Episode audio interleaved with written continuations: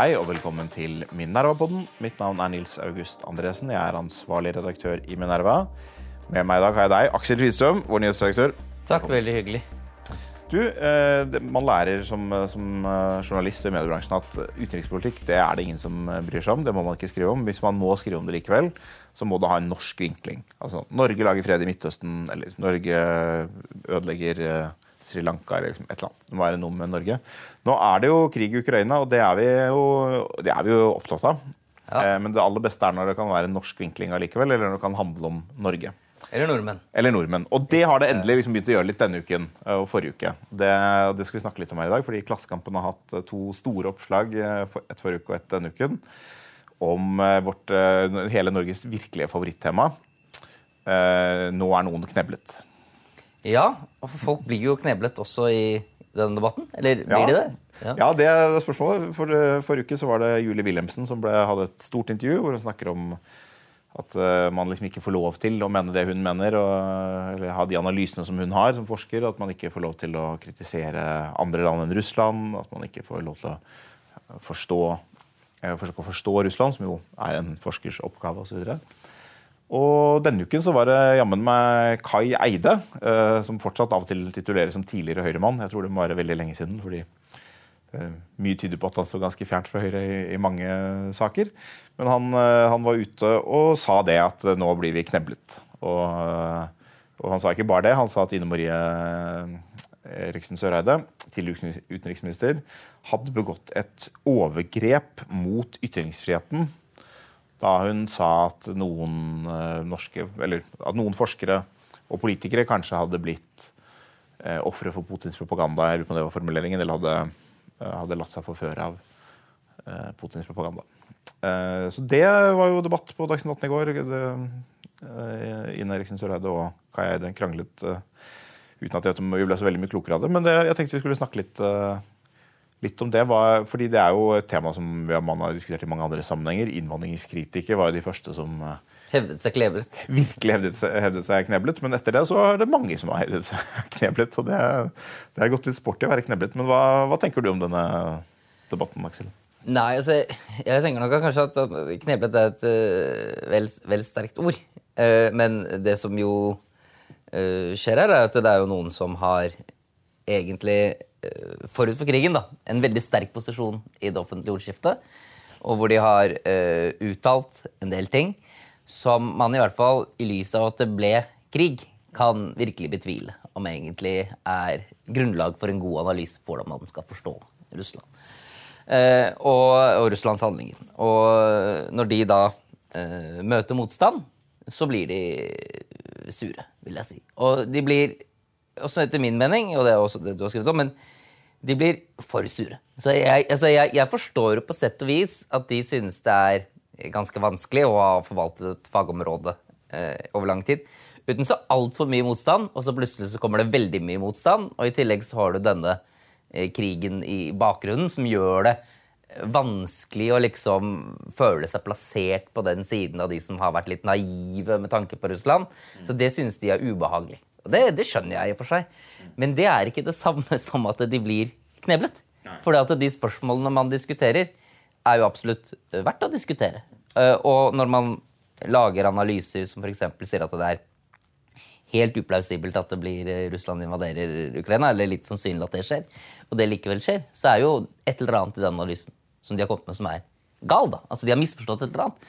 Og da må man jo også tåle at folk forsøker å identifisere de svake bestanddelene i den analysen, som jo helt beviselig har ledet til en gal konklusjon. Jeg, jeg har tenkt litt på altså det, det som ligger i både den innvandringsdebatten og i, i denne debatten, er at jeg tror eh, Det er ofte at folk sier at de føler seg kneblet når de opplever at de blir avvist med et eh, moralistisk eller moralsk argument snarere enn et faglig eller konkret politisk argument. Og det er jo i og for seg forståelig. ikke sant? Si, du, du kan ikke si det du sier fordi du er eh, ond, eh, enn du kan ikke si det du sier fordi du tar feil, eller fordi det, er, det fører til negative konsekvenser. eller noe sånt. Og så vil jo det i praksis av og til ikke være så lett å skille. fordi det, det, kan, jo være, det kan jo være sånn at man sier du, du tar feil i din, din, i din analyse, eh, og konsekvensene av det vil være moralsk uheldig Eller, Ja, det er jo veldig akkurat det vi nå ser. Det er både denne blandingen av uh, gal analyse og veldig trøblete moralske konsekvenser. Ikke sant? Og det er, det er jo litt lignende ting man har hatt i, i eh, innvandringsdebatten. Hvor, altså der har det også vært en rent normativ komponent, hvor det, hvor det er en uenighet ikke sant, om hva som er godt og vondt. Men det har også vært en mer sånn faglig komponent. Da kan du si ikke sant, at Hvis noen sier eh, innvandring fører til store negative konsekvenser for dette feltet og for dette feltet, hvis det blir avvist med, med at det kan du ikke si fordi det er ondt, eh, så, blir det en sånn mismatch hvor man da føler man seg det, Jeg tror det er noe som gjør at man føler seg kneblet. Og jeg tror det er det litt grann, eh, både Julie Wilhelmsen og, og Kai Eide kanskje kjenner på. at de, fordi det de sier, er at har, vi har forsøkt å forstå hva som er beveggrunnen for russiske handlinger. Pekt på liksom, frykten for Nato-utvidelse, frykten på å bli omringet av Russland, eh, nei, omringet av Nato. Eh, og så sier folk dere er potenister, dere står liksom på overgriperens side. Eh, det, er nok følelsen de sitter med. Og hvis det hadde vært tilfellet, så, så ville reaksjonen på det vært i en viss forstand forståelig. De ville jo ikke vært kneblet, men da ville denne, denne følelsen er den interne følelsen ja, som de har, Å ikke slippe til uh, på, på like vilkår, den ville vært forståelig. Jeg mener at Den store feilen de begår her, det er på en måte at eh, kritikken av dem Jo, den, har- den har selvfølgelig en moralsk komponent. Hvordan kunne den ikke ha det liksom, med, med bakteppet av en krig? altså Folk blir jo Det er følelser i sving her på, på alle sider, og det er jo sterke anklager i og for seg også, også fra alle kanter. ikke? Når, når Kai Eide sier at eh, Søreide har begått et overgrep, så er det voldsomt sterk retorikk. Og Julie Wilhelmsen har sagt om dem som er uenige med henne, at det er, det er fordummende og det er farlig. og det er ikke, Tidligere er blitt brukt ord som krigshissende. tror jeg var eh, Eide som brukte om, om Jens Stoltenberg. Så det er liksom, det er brukt mange ord på begge sider, fordi det står mye på, på spill. Men det jeg mener ligger kjernen av den kritikken som kommer mot dem, det, jo, det har jo litt å gjøre med det du sa. Det er noe som har gått galt i denne analysen. eh, og, det, og Utgangspunktet er at de har jo ment at Russlands eh, handlemønster og Russlands frykt her har vært frykten for Nato-utvidelse. Men de har på en måte ikke trodd at den frykten faktisk ville føre til en fullskala invasjon. Og, den, og det er en analyse jeg deler med dem, fordi det ville vært veldig irrasjonelt. Fordi eh, ukrainsk medlemskap sto ikke det, det var ikke nært forestående. Det var ikke eh, langt fra sikkert at det noen gang ville skje, og i hvert fall ikke på liksom veldig veldig lang tid. Eh, og det ville ikke nødvendigvis være eh, man, man vil ikke tenke at det var naturlig at konklusjonen på det ble eh, en krig av denne typen. Eh, men når den likevel skjedde, så kan det hende at det var fordi Russland hadde noen andre mål og intensjoner. Det er, liksom, det er i hvert- fall en helt naturlig, helt plausibel eh, tolkning. Og så, eh, og og så den, kriken, den kritikken, eller den faglige diskusjonen, må de på en måte gå inn i. Er det ting her som de har misforstått med Nato-utvidelse? Og Da kommer det et oppfølgingsspørsmål, og det er hvorfor er det de har trodd at dette med Nato-utvidelse var så viktig. Eh, og og da, da kommer dette spørsmålet har de latt seg um, forlede av russiske offentlige uttalelser. på en måte. Og det er vel det uh, Innreksen Eriksen Søreide formulerte som at de liksom var blitt ofre for Putins propaganda. Og Jeg skriver om det denne uken, som du, som du nevnte, om, hvor jeg går litt i rette med noen av de eh, analysene Julie Wilhelmsen har gjort av denne konflikten. Og det er, et litt talende sted hvor hun, hvor hun sier at hun, hun fikk kritikk hun har vært på og det, må huske på at disse menneskene får sikkert masse kritikk som vi ikke ser i offentligheten, som er mye styggere enn den som Man ser i avisspaltene. ja, ja. Jeg har ikke sett akkurat den kritikken hun, hun refererer til her, men hun hadde vært på hun hadde snakket om denne talen som Putin holdt eh, 9. mai, som vi sikkert også har snakket om her, tror jeg. Hvor han eh, sa bl.a. at eh, vi, vi var nødt til å angripe fordi vi måtte komme et Nato-angrep i forkjøpet. Et Nato-angrep var liksom nært forestående. Eh, det var en helt nødvendig for, forkjøpskrig. Eh, og det hadde hun liksom da formulert, formidlet, at dette er, liksom, dette er det russerne sier. Eh, Og så fått kritikk da for å videreformidle Kremls propaganda. fordi det er jo selvfølgelig helt var vanvittig påstand at det var noe nært forestående Nato-angrep. Det, det skjønner alle. Og så er spørsmålet, og det hun sier her, Jeg ser det som min, en viktig tjeneste å formidle hva Kreml sier. Mens min innvending er at vi trenger ikke en forsker. å si en godt betalt forsker. Det er ikke sikkert jeg er så godt betalt, så det er sånn man, formuleringen man også bruker. Men, det men man trenger, ikke, man trenger ikke en forsker med masse kompetanse For å gjengi. for å gjengi hva Kreml sier. Altså, det, det, til det kan du bruke Google Translate. Det er ikke, egentlig ikke nødvendig, for du finner denne talen på, på engelsk allerede. på Kremls nettsider. Så det, det er ikke nødvendig. Ikke vi vet hva Kreml sier. Det vi trenger forskeren til, det er å, å fortelle hvorfor Kreml sier det de sier, og hvilken, hvilken kontekst det skal settes Ja, og i. mulige implikasjoner av det. For mulige her- implikasjoner av det. For her ligger jo liksom eh, det som blir, kanskje blir Wilhelmsens problem. ikke sant? Altså disse eh, mener jo ikke noe vondt. ikke sant? Altså Det de på sett og vis bare ønsker, er å ha fredelige relasjoner med Russland. Og så tar man det russerne sier på face value. altså Hvis vi liksom får litt sånn og sånn, så da blir det fred og hyggelig og koselig. ikke sant? Men eh, mange ting som kommer ut av munnen fra Kreml, trenger jo ikke nødvendigvis å være det de egentlig mener, eller deres egne intensjoner. Det kan også være noe man sier bare fordi at man ønsker at andre skal tro at det er deres egentlige begrunnelser. ikke sant? Og Det er jo her den faglige sant, uenigheten oppstår. at det, Man kan si at Kreml har, eh, har tre typer utsagn. Det ene er liksom de tingene de faktisk eh, mener, det de agerer på selv. Og så er det ting som er ment for hjemmepublikummet, altså som er propaganda overfor befolkningen for å sikre oppslutning om regimet, oppslutning om, om krigen og sånne ting. Og så er det strategisk kommunikasjon eh, mot Vesten, hvor hensikten er å påvirke vestlig opinion, vestlige politikere, eh, i retning av å eh, gi Russland mer spillerom i sine nærområder. eh, Splitte Vesten, sørge for at Vesten ikke, eh, ikke har oppslutning om tøffe tiltak mot Russland eller, er, blir kompromissvillig. Eh, Og, i et sånn, og dette er en analyse som, eh, som vi har veldig lang erfaring med. Dette var, Vi vet at dette var eh, eksplisitt sånn det fungerte i sovjettiden og, og, og senere. og Man kjenner en veldig mange av mønstrene. Og så det, kan det være en konkret diskusjon fra gang til gang. ikke sant? Altså, det, går det, går, det er sikkert mulig å gi en slags argument for at Putin faktisk eh, er paranoid og trodde at et eh, Nato-angrep var nært forestående. Men det er ikke veldig sannsynlig. Eh, Og, og da mener jeg at da er det en veldig stor forsømmelse ikke å si når man skal snakke om ja, dette er det de sier i Russland. må man legge til ja, Årsaken til de sier det, er at man vil få befolkningen til å tro at denne krigen var eh, helt nødvendig. fordi hvis den ikke var det, så vil russerne fort si Herregud, hva er det du har kastet oss inn i nå, liksom?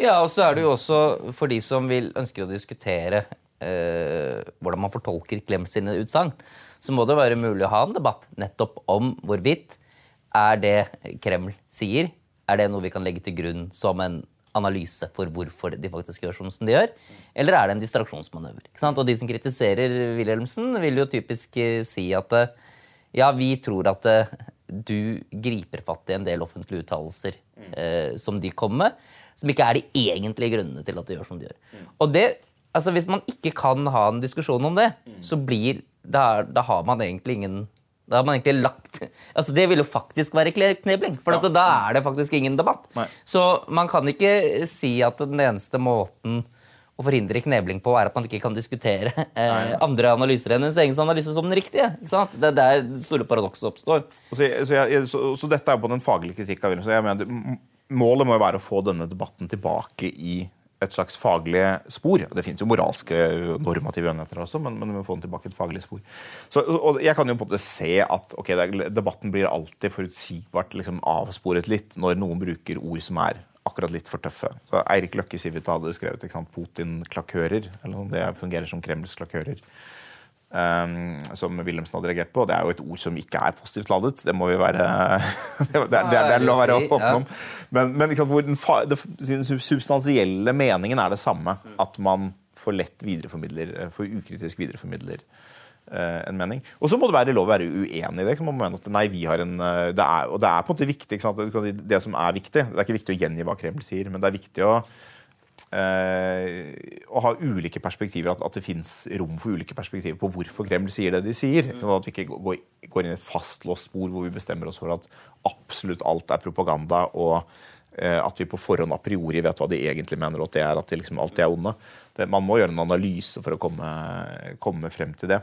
Men man ser, man ser hvordan den debatten også blir avsporet av litt dårlig ordbruk. Og et annet ord som eh, som de, mange av disse da har reagert på, det er at man, jeg tror Ine Eriksen Søreide sa noe sånn dette er ikke tiden for å eh, forstå, men for å fordømme. Og I politisk forstand så er det på en måte riktig. At det er, eh, for, for en politiker så er det viktig å være tydelig på å fordømme. For en forsker så er det jo selvfølgelig alltid viktig å forstå. Tror, Det er jo å forstå forskere jobber med. det- sant? Så jeg tror mange forskere har kanskje opplevd at det, det blir vanskelig for dem hvis man tolker det som rettet mot dem. Mens kritikken mot disse Putin-forståerne, det er jo et ord på tysk, Putin-verstea, eh, de som liksom ønsket å forstå Putin, kritikken mot dem fra et faglig hold er jo ikke at de at de forstår, det er jo at de misforstår. Uh, Men det har man vært kanskje litt dårlig på i ordbruken, og så er det blitt uh, rotet til. Da, og så opplever forsker, da opplever disse forskerne seg nettopp kneblet. ikke sant? At de ikke får lov til å holde på med det forskere skal holde på med. Så, men jeg har skrevet en lang eh, sak om dette, som jeg oppfordrer egentlig alle til å, til å lese. Så kan man se hva, hvem som har forstått og hvem som har misforstått. Og så kan kanskje både Kai Eide og Julie Wilhelmsen gå inn i den, i den, debatten med frimodighet, og kanskje til og med se om de kan ha tatt feil i noen av sine tidligere analyser på hva som egentlig har vært Kremls mål. Har det vært å unngå et Nato-angrep, eller har det vært å, å gjenopprette tapt territorium og forene det russiske folk og sikre seg handlefrihet i sine nærområder? Vi heller vel kanskje litt mot det siste? Ja, vi heller nok litt mot det siste, ja. Vi gjør det her, her i redaksjonen. Ja. Du, uh, vi tenkte å gå litt videre. Foreløpig ikke kneblet. nei, men vi tenkte å gå videre på et område som er ganske betent. Vi, er, vi holder oss til Ukraina-krigen, men det er et område hvor det er moralsk patos inne i bildet. Nå skal vi vise at vi ikke er kneblet, fordi vi skal gå rett inn i det vepsebolet likevel. Ja. Hva, det er bakgrunnen for det er noen uttalelser som Henry Kissinger har kommet med, og som har eh, vakt eh, fordømmelse. Ja, han har jo vært på Er det ikke Davos han har vært uttalelse? Jeg tror det er ja. på Davos. ja. Eh, snart 100 år, men likevel invitert som eh, foredragsholder. Eh, Via Zoom, tror jeg. Eh, og eh, blåste opp veldig stort i internasjonale medier om at Henry Kissinger mener at Ukraina må, må, må avstå territorium da, for å, å, å, få fred. Og så blir jo folk veldig sinte selvfølgelig på den overskriften. og Stor moralsk forargelse overalt, egentlig. Men eh, hvis man ser litt mer detaljert på hva som faktisk leser eller hører på det Kissinger sier, så er det veldig likt som det Ukrainas president Zelenskyj mente for bare noen uker tilbake siden. Altså det, det Kissinger sier, er at siden. vi eh, Ja, et par måneder siden, kanskje. Ja, eh, er jo at eh, russerne bør trekke seg tilbake til de linjene de kom fra i 24. februar. Og så bør det liksom bli en fredsavklaring rundt det. Som da i all legalistisk forstand betyr jo at Ukraina vil avstå territorium fordi at de mister det territorium, men de vil fremdeles eksistere innenfor de rammene de eksisterte eh, de facto før eh, den 24. Eh, februar. Og det som jeg syns er så interessant, er at ja, det ene som er interessant, er jo hvor sure folk blir når det kommer fra Henry Kissinger. For at dette er jo Eh, noe som eh, veldig mange ulike europeiske statsledere har sagt og ment. Folk er blitt litt sure på Macron. Ja, ja, ja. ja, ja. Mm. Eh, og noe som ukrainerne også delvis liksom har eh, ment tidlig. Nå har de jo mer våpen og kanskje større kampvilje, så de har mer maksimalistiske krigsmål. Eh, men det Kissinger sier, er liksom ikke eh, Altså, jeg syns det er jo Jeg synes det er moralsk trøblete hvis Ukraina skal avstå territorium. Eh, selv det territoriumet eh, som russerne tok før 24.2. Men man kan jo helt fint argumentere for også at det kanskje ikke er verdens dummeste løsning. Så kan, eh, så, så her blir det liksom en sånn ja, en veldig stor debatt om type moral. altså Man skal moralsk fordømme, og det blir enda lettere å moralsk fordømme hvis det kommer fra selveste Henry, Henry Kissinger. liksom, Men substansen i forslaget tror jeg nok veldig mange vil kanskje ville vært mer enig hvis det hadde kommet fra en annen avsender. Jeg vet ikke hva du ja, altså Jeg, det, jeg synes det er en veldig interessant debatt. fordi Jeg har jo vært avsender av eh, omtrent et sånt budskap veldig tidlig i krigen. Allerede første uken, tror jeg. Eller første eller andre uken. Og fikk jo da eh, ganske hard kritikk også. Eh, til dels med moralske overtoner, bl.a. av Michael Tetzschner. Vi var i debatt i Dagsnytt 18. Og det er Jeg skjønner jo den kritikken. Og jeg er, ikke, jeg er ikke sikker på hva som er riktig. Men utgang, og utgangspunktet mitt da var jo altså Det var jo på et tidspunkt hvor eh, den ukrainske militære situasjonen så svakere ut. Um, og eh, det også var et spørsmål om hva som i det hele tatt var realistisk og mulig å forsvare. og hvor, hvor, mitt, hvor mitt, hovedanliggende var å, å, sikre at etter denne konflikten så vil det eksistere et selvstendig Ukraina som kan gis en sikkerhetsgaranti og som kan, kan sikres mot ytterligere russisk aggresjon. Og Det mener jeg fortsatt er egentlig et helt essensielt eh, krigsmål, for å, for å, si det sånn. Men, eh, men, det som er interessant med altså det Kissinger sier, og noe av det som kanskje har vekket eh, litt harme, kanskje en bitte litt uheldig formulering, er at han sier at hvis man, uh, hvis man fortsetter krigen etter at man eventuelt har nådd frem til disse 24. februar-linjene, februar så vil det liksom slutte å være en forsvarskrig for ukrainsk territorium og bli en, både en ny, en ny krig, eller en ny fase av krigen, hvor man eh, egentlig da kriger mot Russland. Eh, og Det er klart at det er ikke et helt utrøblete utsagn, siden disse områdene er eh, det jure er ukrainske. Men det ligger et poeng der som, er, som jeg tror er, eh, er viktig, og det er at altså, vi, vi kjenner jo ikke folkemeningen i disse områdene veldig godt. Men eh, det er grunn til å tro at de menneskene som, som fortsatt bor i, eh, de tidlig, altså i DNR og LNR, disse to utbryterrepublikkene i Donbass, og i og for seg også på Krim, eh, de som bor der i dag, at de er relativt russiskvennlige, som en kombinasjon av at fra i Donbass så har de som var Ukraine, ikke var russiskvennlige, har i stor grad forlatt områdene. Eh, En kombinasjon av altså, migrasjon og eh, massiv propaganda eh, over da, de siste åtte Lang årene. tid. Ja, over lang tid. De siste åtte årene spesielt. Så, så det å ta disse områdene militært, med byer og alt sammen, det er, det er ikke liksom bare at det er veldig krevende militært, eh, men det er også at det ville innebære, fort innebære veldig store sivile tap å ta byer eh, med en befolkning som man ikke kan forvente at det er nødvendigvis så vennligsinnet som man kanskje skulle håpe. Så Det er, liksom, det, det er ett aspekt av det. Men jeg, jeg synes også det er, er interessant. Det, grunn, noe av grunnen til at det vekket kanskje særlig oppsikt og, og forargelse nå, var at det kom akkurat ut en meningsmåling i Ukraina som viste at 82% var mot å avgi territorium. Og jeg tror også Tidligere så har det vært en, både en måling som har vist eh, ikke like klare resultater, men større vilje til å for erklære nøytralitet enn til å oppgi eh, disse territoriene. Og det, det er jo interessant, og det, det, det sier jo Kissinger også, det, sa jeg også, det, er viktig å få frem. Altså, det, dette må jo til syvende og sist Ukraina sant, be- be- bestemme selv hvor de setter sine grenser. Men det er klart at Vesten har en rolle her i hva slags, eh, hva slags våpenbistand man gir ulike, for ulike krigsformål. Da? Så skal man, skal man liksom fortsette å gi eh, Eller skal man begynne å gi jagerfly og, og, og langtrekkende missiler og cruisemissiler og sånn for å gjenerobre Krim hvis, hvis andre krigsmål allerede er nådd? Det er en beslutning som Vesten må, må ta stilling må ta til. og som, til, ja, liksom. og som de kanskje også er vanskelig å ta stilling til, for at når du har levert våpensystemet, så har du jo levert det på et vis. Ja, ja, ja. ja. Så det er derfor jeg sier om man skal eh, levere nye ting etter at en slik grense eventuelt er nådd. Men eh, et annet ting som jeg synes også er interessant, for man har jo disse, når man snakker om undersøkelser, ikke sant, så 82% av ukrainere eh, vil ikke oppgi noe, noe territorium. Og det skjønner jeg jo veldig godt. Altså, hvis, eh, men slike spørsmål er jo ofte litt rart stilt, for at de synliggjør ikke kostnaden av spørsmålet. Ikke sant? Altså, hvis du uh, hadde spurt uh, Si Russland hadde okkupert Svalbard, da. ikke? Så spør vi nordmenn. Hvor mange nordmenn syns at Russland skal få Svalbard? Ok, Kanskje 1 svarer ja, eller eh, 2 ikke sant? Men hvis du spør vil du risikere livet til 50 000 nordmenn for å gjenerobre Svalbard, så blir det kanskje et, får du et litt annet svar. ikke sant? Og Det er også det som ukrainerne må ta stilling til. I en ideell verden så selvfølgelig vil man jo ikke oppgi verken Krim eller Donbass eller områder i Lugansk. Men hva vil det bety? Ikke sant? Å, å fortsette krigen forbi 24. februar-linjene. Og det må man jo kunne diskutere de praktiske implikasjonene. Og det er ikke bare et moralsk spørsmål, det er en praktisk implikasjon. Men La oss ta litt videre på dette temaet. fordi Denne uken så har eh, også da Gari Kasparov vært i, i Oslo i forbindelse med Oslo Freedom Forum. Og hadde frokostmøte med, med Civita, og han snakket liksom disse tingene. Eh, Jeg stilte også noen spørsmål om det der. Men uh, han jo, deler jo ikke dette synet. Ikke? Han, han mener det er veldig viktig at man uh, tar tilbake disse områdene. Eh, nettopp for å knekke Putin-regimet. At det er nødvendig at Russland taper, er argumentet der. Og en lignende analyse er levert av Ann Applebaum, tror jeg. Det, er, det er viktig at Russland taper, for hvis de ikke taper, så vil diktaturet på en måte fortsette. eh, Og du vil fortsette med den samme ekspansjonistiske og, revansjistiske logikken.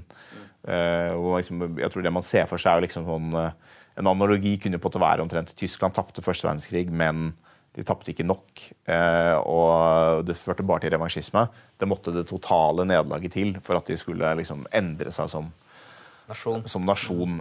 Eh, jeg synes Det er litt Det, det, det er veldig sånn implisitt at det er omtrent det man tenker seg. Jeg synes det er litt rart, fordi den type knusende nederlag vi vil jo ikke vil vi ikke kunne påføre Russland. Men de, jeg tror f.eks. Kasparov ser for seg at dersom Krim ryker, så, så er det i en viss sånn mytologisk forstand en lignende type nederlag. Det er på en måte det endelige um, banesåret for Putins uh, idé. og Da vil den falle, og så vil Russland måtte reorientere seg. på en eller annen måte. Uh, og det er mer sånn, Da er vi tilbake, da, da handler det jo ikke lenger om Ukraina på samme måte. ikke sant? Her, og, da Det jo, handler om regimer. Ja, det handler også om Ukraina, selvfølgelig, men, Ja, ja, ja, men ja, ja. argumentet Ja, er ja. jo Det om, men, men det argumentet er da mer sånn geo, altså det handler om Russland og er mer sånn geopolitisk uh, eller argument for den europeiske sikkerhetsstrukturen. da. Og, og det er et interessant argument, fordi jeg, jeg mener nok i og for seg at altså det hadde vært veldig ønskelig om Russland fikk et eh, ganske totalt eh, nederlag eh, i løpet av da, en sånn overskuelig fremtid. At det ble avsluttet med krigshandlinger, og det førte til et russisk mer totalt nederlag. altså At man rett og slett måtte gi seg eller kapitulere. liksom. Um, men jeg er ikke sikker på hvor, hvor sannsynlig det er. Og, og Kissinger har på både noen poenger her. Jeg tror han drar en parallell til Jom Kippur-krigen. eller noe sånt. Sånn, USA grep inn og syntes det var- viktig at Israel vant. Var viktig at Egypt tapte, men det var også viktig at Egypt ikke tapte eh, for mye. Fordi man ønsket ikke å drive Egypt eh, helt i armene på Sovjetunionen. Eh, og det lyktes man med. Dette er jo sånn eh, dette er hvert sånn Kissinger tolker historien. Dette er jo noe sikkert av det han er mest fornøyd med med det han holdt på med Ja, kanskje, ja. som utenriksminister. At man lyktet med å, med å støtte sin allierte Israel og bevare innflytelse der. Og så lyktes man samtidig med å få et godt fotfeste i Egypt, som var tidligere hvor man tidligere ikke hadde hatt det. Så, og, og tanken her overfor for Russland vil jo på en måte være sant, det, hva er det man vil oppnå ved å ikke påføre Russland totalt nederlag. Her er jo da Kristian antagelig en helt annen analyse enn f.eks. Kasparov. Det er Eh, Man frykter at et totalt nederlag vil ikke føre til at, som i Tyskland, at da blir det et oppgjør med historien når man går i seg selv og man eh, kommer ut som et liberalt demokrati. Tvert imot vil man bli tvunget inn i armene på Kina og vil være eh, tapt for Vesten, da, kan du si. Å være, være en del av den kinesiske blokken i, i den geopolitiske forstand. Eh, mens hvis man kunne påføre dem et begrenset nederlag, så ville de større mulighet nettopp til at man Jeg vet ikke om det er Nei, jeg, altså, jeg, jeg, jeg, bare, bare si- formulerer analysen. Ja, jeg må si at jeg syns jeg, synes alt dette er veldig vanskelig, på sett og vis. Altså, jeg vet ikke hva som jeg syns er den beste løsningen. Om ukrainerne gir seg ved 24.2-linjen, eller om de går inn og tar tilbake. Altså, spørsmålet for meg blir for, for komplisert. da. Altså, hva, hva betyr det i tap av militært personell? Hva vil de utenrikspolitiske konsekvensene være? Altså, I en ideell verden ikke sant, så kollapser bare Russland, så vokser det jo frem et eller annet fantastisk liberalt demokrati. ikke sant? Men eh, antagelig så er jo den visjonen en drøm. Ja. Ikke sant? Så det er veldig dumt å, å forsøke å styre etter en drøm. Men hvor plausible ulike positive og negative utfall er, veldig vanskelig å si. Eh, hva det koster å forfølge de målene, veldig vanskelig å si. Jeg trodde du var Kissingerianer. Men- Altså, jeg, jeg, men- si- jeg trodde Ja, du skulle slutte deg til den, så skulle jeg kritisere den. Men nå, Nei, det nei, nei. kritiserer Men eh, det som jeg derfor også syns er eh, så rart, er at eh, man også på sett vis også diskuterer disse spørsmålene med så stor moralsk forargelse. Når det er så vanskelig, i hvert fall i et konsekvensetisk perspektiv, da, som er et relevant etisk rammeverk for å analysere en krig, hvor man ønsker å begrense skade. Det er så vanskelig å si hva som er det beste alternativet. Og når man da er, eh, liksom skal diskutere det med veldig mye moralsk forargelse, så blir det rart. For det, liksom, det tar vekk det elementet av kompleksitet som jo er egentlig hele kjernen i hva man egentlig må forholde seg til. Og så er det litt, og det er min innvending mot dette, at det er litt løsrevet fra det som eh, skjer på bakken nå. Ikke sant? Fordi det som skjer på bakken nå er at Russland rykker frem i Donbass, og det er en veldig krevende situasjon for ukrainske styrker der. Og det er der på en måte slaget nå står. og så vil eh, så kan man plausibelt se for seg at den ukrainske eh, hæren vil styrkes i månedene som kommer, ved at de får mer våpen. Men det er jo selvfølgelig også slitasje på ukrainske tropper. Men de, de har mulighet til å mobilisere mer. De har på en måte større mulighet for å mobilisere enn Russ enn Russland, fordi Russland eh, Omkostningen for Russland ved å, ved å erklære mobilisering vil være veldig stor, men Ukraina har allerede gjort det og har enorme potensielle reserver, da, hvis man ønsker det. Eh, Men det er allikevel sånn at det, det militære bildet er ganske uklart. Så det å diskutere eh, nå skal man eh, støtte dem til de har tatt tilbake Krim altså La oss nå prøve å stabilisere fronten i Donbass først. liksom. Jeg tror det er et mer eh, realistisk, umiddelbart krigsmål. Og så, eh, så vil det være flere måneder til et nytt spørsmål dukker opp om det i det hele tatt har noen militær realisme å tenke på noe videre. Og i løpet av den tiden så vil persepsjoner også endre seg. Fordi nå går vi inn i en sånn utmattelsesfase av krigen som kommer til å vare. Og det, det er jo i og for seg det Kissinger også sier, at man bør begynne forhandlinger om et par måneder. Så han, han, bedømmer det jo på en måte realistisk at det finnes ikke noen vilje til noen kompromisser av den typen i dag. Ikke på noen av sidene. Det finnes, ingen sånn vilje på russisk side heller. Um, eh, og jeg tror det som har skjedd, hvorfor er det, hvorfor er det Ukraina har endret uh, sine krigsmål? Det handler selvfølgelig om uh, at man opplevde å ha militær fremgang, om europeisk våpenstøtte eller amerikansk våpenstøtte. Men det handler også om et skift som skjedde etter massakren i, i Butsja-Irpin. At, det, at det var liksom en blanding av at man ble bare denne fienden kan vi ikke forhandle med. Dette er, dette er, ondskap. Det ble en veldig utbredt følelse i befolkningen. Og det var det jo. Ja, det, ja, ja, ja, ja, Og så var det på en praktisk side av det. At dette er det som skjer med de områdene som er okkupert. Og det er det også noe sannhet i. At, altså at, uh, en ting er, er, Krim, som av, har vært en del av Russland, men, men LNR og DNR, utbryterrepublikkene, de har jo vært virkelig liksom, altså helt uh, ekstremt autoritære røverstater. Uh, som ikke akkurat gir noen gode vilkår for, for uh, blomstrende samfunn. Uh, så det å på en måte gi opp områder og overlate da, sine landsmenn til dette styret Man skjønner jo selvfølgelig at det ikke er noe, noe attraktivt. Og det ble jo synliggjort og tydeliggjort ved, ved måten russiske okkupanter oppførte seg på. Og, og i, lignende, kan du si, erfaringer fra, fra byer som Kherson og Melitopol og andre steder. Eh, så, så, det er årsaken til at det har endret seg i Ukraina i stor grad, tror jeg.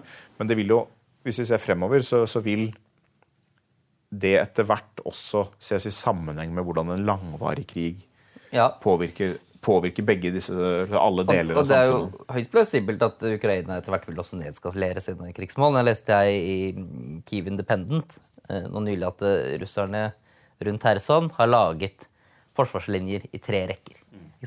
Så hvis ukrainerne uh, skal ta tilbake Kherson, som de, de, definitivt kommer til å forsøke å gjøre på et eller annet tidspunkt, så uh, kan man regne med at det blir en ganske blodig affære. Om de da har lyst til å fortsette inn på Krim, hvis de har tapt mange mann på å gå gjennom tre russiske forsvarslinjer, det vet man jo ingenting om. Uh, og, og, det å si at man liksom det er moralsk forkastelig og da liksom ikke sende troppene liksom videre fremover, er også liksom, det er rart. Ja, og det, absolutt. Og det, det, ligger jo litt an i der at det, det, å, eh, det, å, ta disse byene, det, vil jo innebære at man bomber i byområder. Altså at man, man, vil jo se scener. Vi har sett disse scenene i Kiev og i Kharkov. og sånne ting. Og Hvis du skal begynne å se scener der det er ukrainsk artilleri som, som beskytter disse byene, hvis, hvis styrkene forskanser seg inn i byene, det vil jo ikke være noe veldig vakkert syn. Så, så det, er, det, er, mange utfordringer her. Så kan det hende at noen av disse krigsmålene som kommuniseres, og her kommer vi tilbake til eh, den debatten vi hadde i sted, med å, å tolke, tolke utsagn. Hva er det som er strategiske utsagn? Både ment for vestlige og russiske ører, men også overfor egen befolkning. Det er å si at eh, hvis du sier at vi, vi, gir oss ikke før Krim er eh, fritt, så også, eh, så sender du et signal eh, til Russland og til Vesten om at man har ekstremt stor kampvilje, og at, man, at Russland eh, du, du, du, du, gir eh, Det kan påvirke hva Russland også er villig til å godta. Da, i en viss forstand. Ja, Det kan jo også være lurt å lage krigsmål som du ikke har tenkt til å realisere for å forhandle. Ja, ja. Ikke sant? Altså, du må ha en forhandlingsposisjon. Ja. Så det vet ikke vi. Men jeg, jeg, har tenkt mye på dette, fordi jeg, jeg synes det var den debatten jeg hadde da med, med Tetzschner, at det er eh, det, det, det, de store problemene la oss si, med å inngå en en fredsavtale som er mindre enn Eller å avslutte krigen før man har vunnet tilbake territoriet, Det, er, det er spørsmålet om hva gjør vi da med vårt forhold til Russland. Uh, og jeg tror Helt i begynnelsen av krigen så så jeg kanskje for meg, og det var kanskje naivt uh, eller feil, jeg så for meg at man, kunne, man, i en viss forstand måtte bytte en grad av normalisering mot uh, altså hvis, hvis, man, hvis, Ukraina inngikk en fredsavtale på, av egen frivillige, så ville det kanskje forutsette at Vesten også da i noen grad altså Et russisk krav for en sånn avtale ville være en eller annen grad av normalisering av i hvert fall av noen av sanksjonene.